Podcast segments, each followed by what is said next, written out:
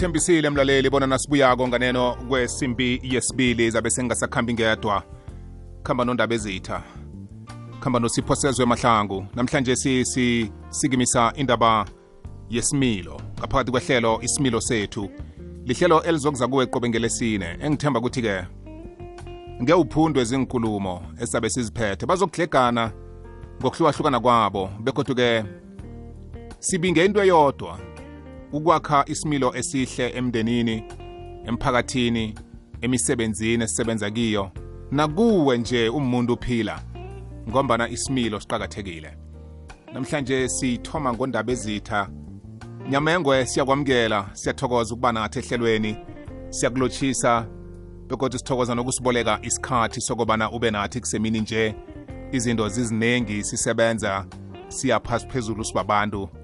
Nyamengwe wamukelekile yeche angikulotshise mthombothi ngilotshise abalaleli bomrhatsho ikwekwezi FM umrhatsho omkhulukhulu ukwakamambala ngilotshise isitshaba sonke silaleleko ngalesi sikhathi amakhosi wekethu abantu abatsha abafundisi abotitshere abodorhotera naye wonke umuntu okhona ophilako izakhamuzi zekhethu zonke ezibalandeli nabalaleli bomrhatsho omkhulukazi kangaka ikwekwezi FM ngithe namhlanje mthombothi eh ke ngikhulume nawe mntwana kwethu ngikhulume nesizwe sekhethu Yeah. sikhulume ngendaba yesimilo mntwana kwethu isimilo uzakhumbula ukuthi kuyinto eqakatheke khulu ekuphileni komuntu isimilo simuntu uqobo lwakhe siyindabuko yethu Mm. simihlobo yonke ekhona ephasini isimilo sibukhosi simfundisi Mm. isimilo singunkulunkulu mntomboti Yeah. eh oselapha ngaso sonke isikhathi uyabona ke nonesimilo unazo zonke lezi zinto engikhuluma ngazo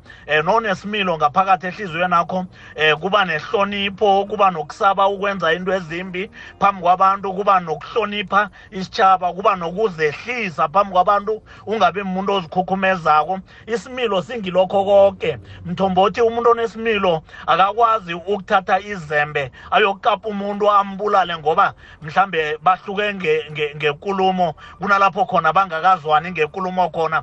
Umuntu onesimilo akakwazi ukuthoma akhuluma amanga athomelele omunye umuntu ngamanga entweni ezange khe ibe khona manje mthombothi ngithi namhlanje eh sikhuluma ngesimilo nje. Igama lami mina ngingusipho sezwe. Ngingwakosozilani ngiyinkosi yesizwe sakosozilani. Ngimlaleli ngomunye wabalaleli abakhulu bomrhatsho ikwekwezi FM oneminyaka alalela lo mrhatsho isimilo namhlanje mthombothi ngithi asikhulume ngaso ngoba ulapho emrhatshweni abalaleli bomrhatsho ikwekwezi FM bahlale balalele. Emrhatshweni balalele endabeni bayezwe endabeni ukuthi eh kunomma ogagadelwe mntwana eh, ngitsho irape mthombothi umsana omncane oneminyaka eyi-16 ugagadlele isilukazi seminyaka eh, emasumi eh, abumnane.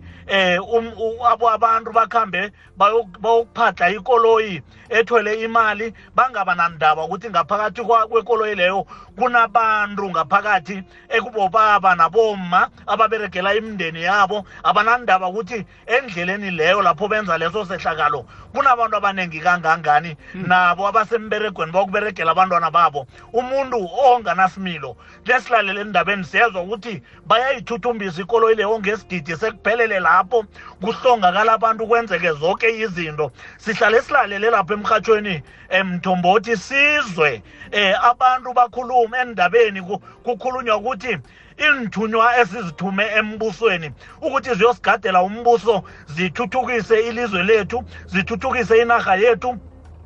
Zidevelope abantu abatsha bekhethu zibakhuthaze zibaphakamise ngempilo kube ngizo mthombothi ezidla imali yesizwe zimotshe eh, umbuso wekhethu ziwisele phasi amaprojekthi angakhiwa indlela kungakhiwa iinkolo zingakhiwa mthombothi. Sihlale silalele lapha emrhatshweni uzwe kukhulunywa ngotitshere kuthiwe utitshere egade kufanele kube uyokufundisa abantwana esikolweni. Uphenduke waba mgagadleli a child molester siyafunda mntomboti Ah, u- uzwe batsho utitshere sowugagadlela abantwana bebesambe silalele nje iveke epheleko kukhulunywa ngalokho. Uzwe mntomboti khona lapha emrhatshweni endabeni kuthi umuntu oyikosi owaphakamiswa sisizwe nomndeni wekhabo ukuthi uyokuba yikosi umuntu loyo avikele isizwe avikele ama-morals noma isimilo sesizwe uzwe ukuthi nguye umuntu ohlikiza isitshaba nosiphahlako isitshaba nosihlukumezako isitshaba ongasanasimilo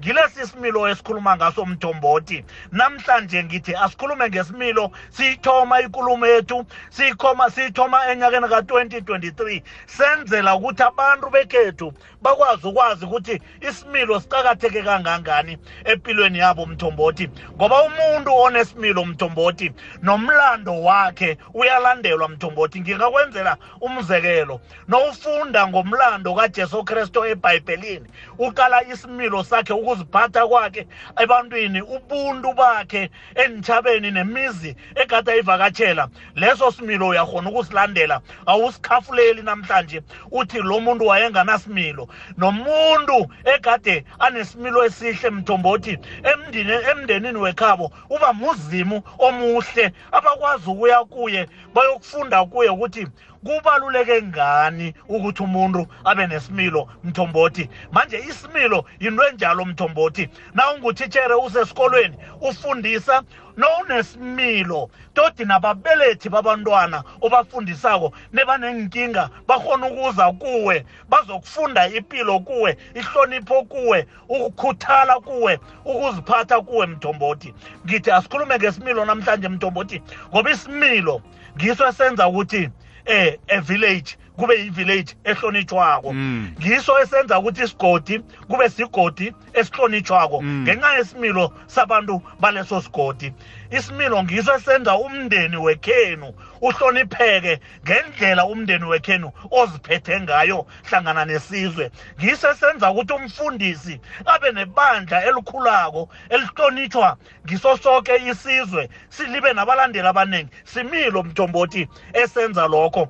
Ngiso isimilo mthombothi esenza eh u- u- umhathi abe nabalandeli abaningi ngenxa yesimilo sakhe esihle mthombothi. Ukuhlonipha kwakhe abantu nokuzihlonipha phambi kwesizwe nokuthuthukisa isizwe. Eh isimilo mthombothi kuyinto enamathele kunembeza wethu lento esiyibiza ukuthi is our conscience.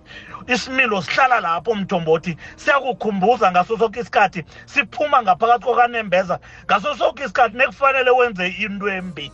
Isimilo sakho. Kuba ngiso esitshoko ukuthi konje mina ngakhuliswa emndenini oso. Mm. abantu bayahlonitshwa. Yonke into engiyenzako iyahlonitshwa. Mm. yonke into engikhamba kiyo iyahlonitshwa. La udlule khona ubethelwa ihlombe. La udlule khona uba nabalandeli. La uya khona uyamukeleka. Nowunganasimilo mthombothi uzondwa babantu. Eh noye enyangeni bathu nebhadi mawuye ekeregeni ayi abazalwana bakuthandi. Mawungutitshere woke umuntu uphikisana nawe. Mthombothi ngicabanga ukuthi indaba yesimilo namhlanje ngiyiphadle ngendlela ekufanele ukuthi siyithome ngayo enyakeni ka-2023 sizokukhuthaza isizwe sekhethu ukuthi sivuselele isimilo sabo. Sizoyikhuluma into le unyaka boyokuphela ngoba isimilo esizweni sicakatheke khulu. Akunasitshaba esizokuya phambili akunamndeni akunamuntu okuzokukhula akhula ahlonitshwe esizweni nakangana kuziphatha okuhle mthombothi. Mm. ebekakhuluma nga- nawe namhlanje ngundaba ezitha usipho sezwe mahlangu wakosozilani eh unyama yengwe. Ngiyathokoza mthombothi ukunginikela ithuba ngesimilo sakho esihle kwangabezimu bakho nabezimu bekhenu bangakuphakamisa mntwana kwethu. Uphakame undlondlobale ukwazi ukuthi isizwe sonke sikwazi ukukuhlonipha. Ngiyathokoza. Ndabezitha ndabezitha ngiyathokoza khulu kwamambala. Emini ekulu phakathi kweveke ubobo urhatsha ibumbano ngethando. Sinothe ngelwazi lezamarhwebo. Imikhumbulo ipholiswe ngezikhethwe nguwe ikuthazo namagagu weveke. Sivala ihlelo ngokudla komkhumbulo nomoya.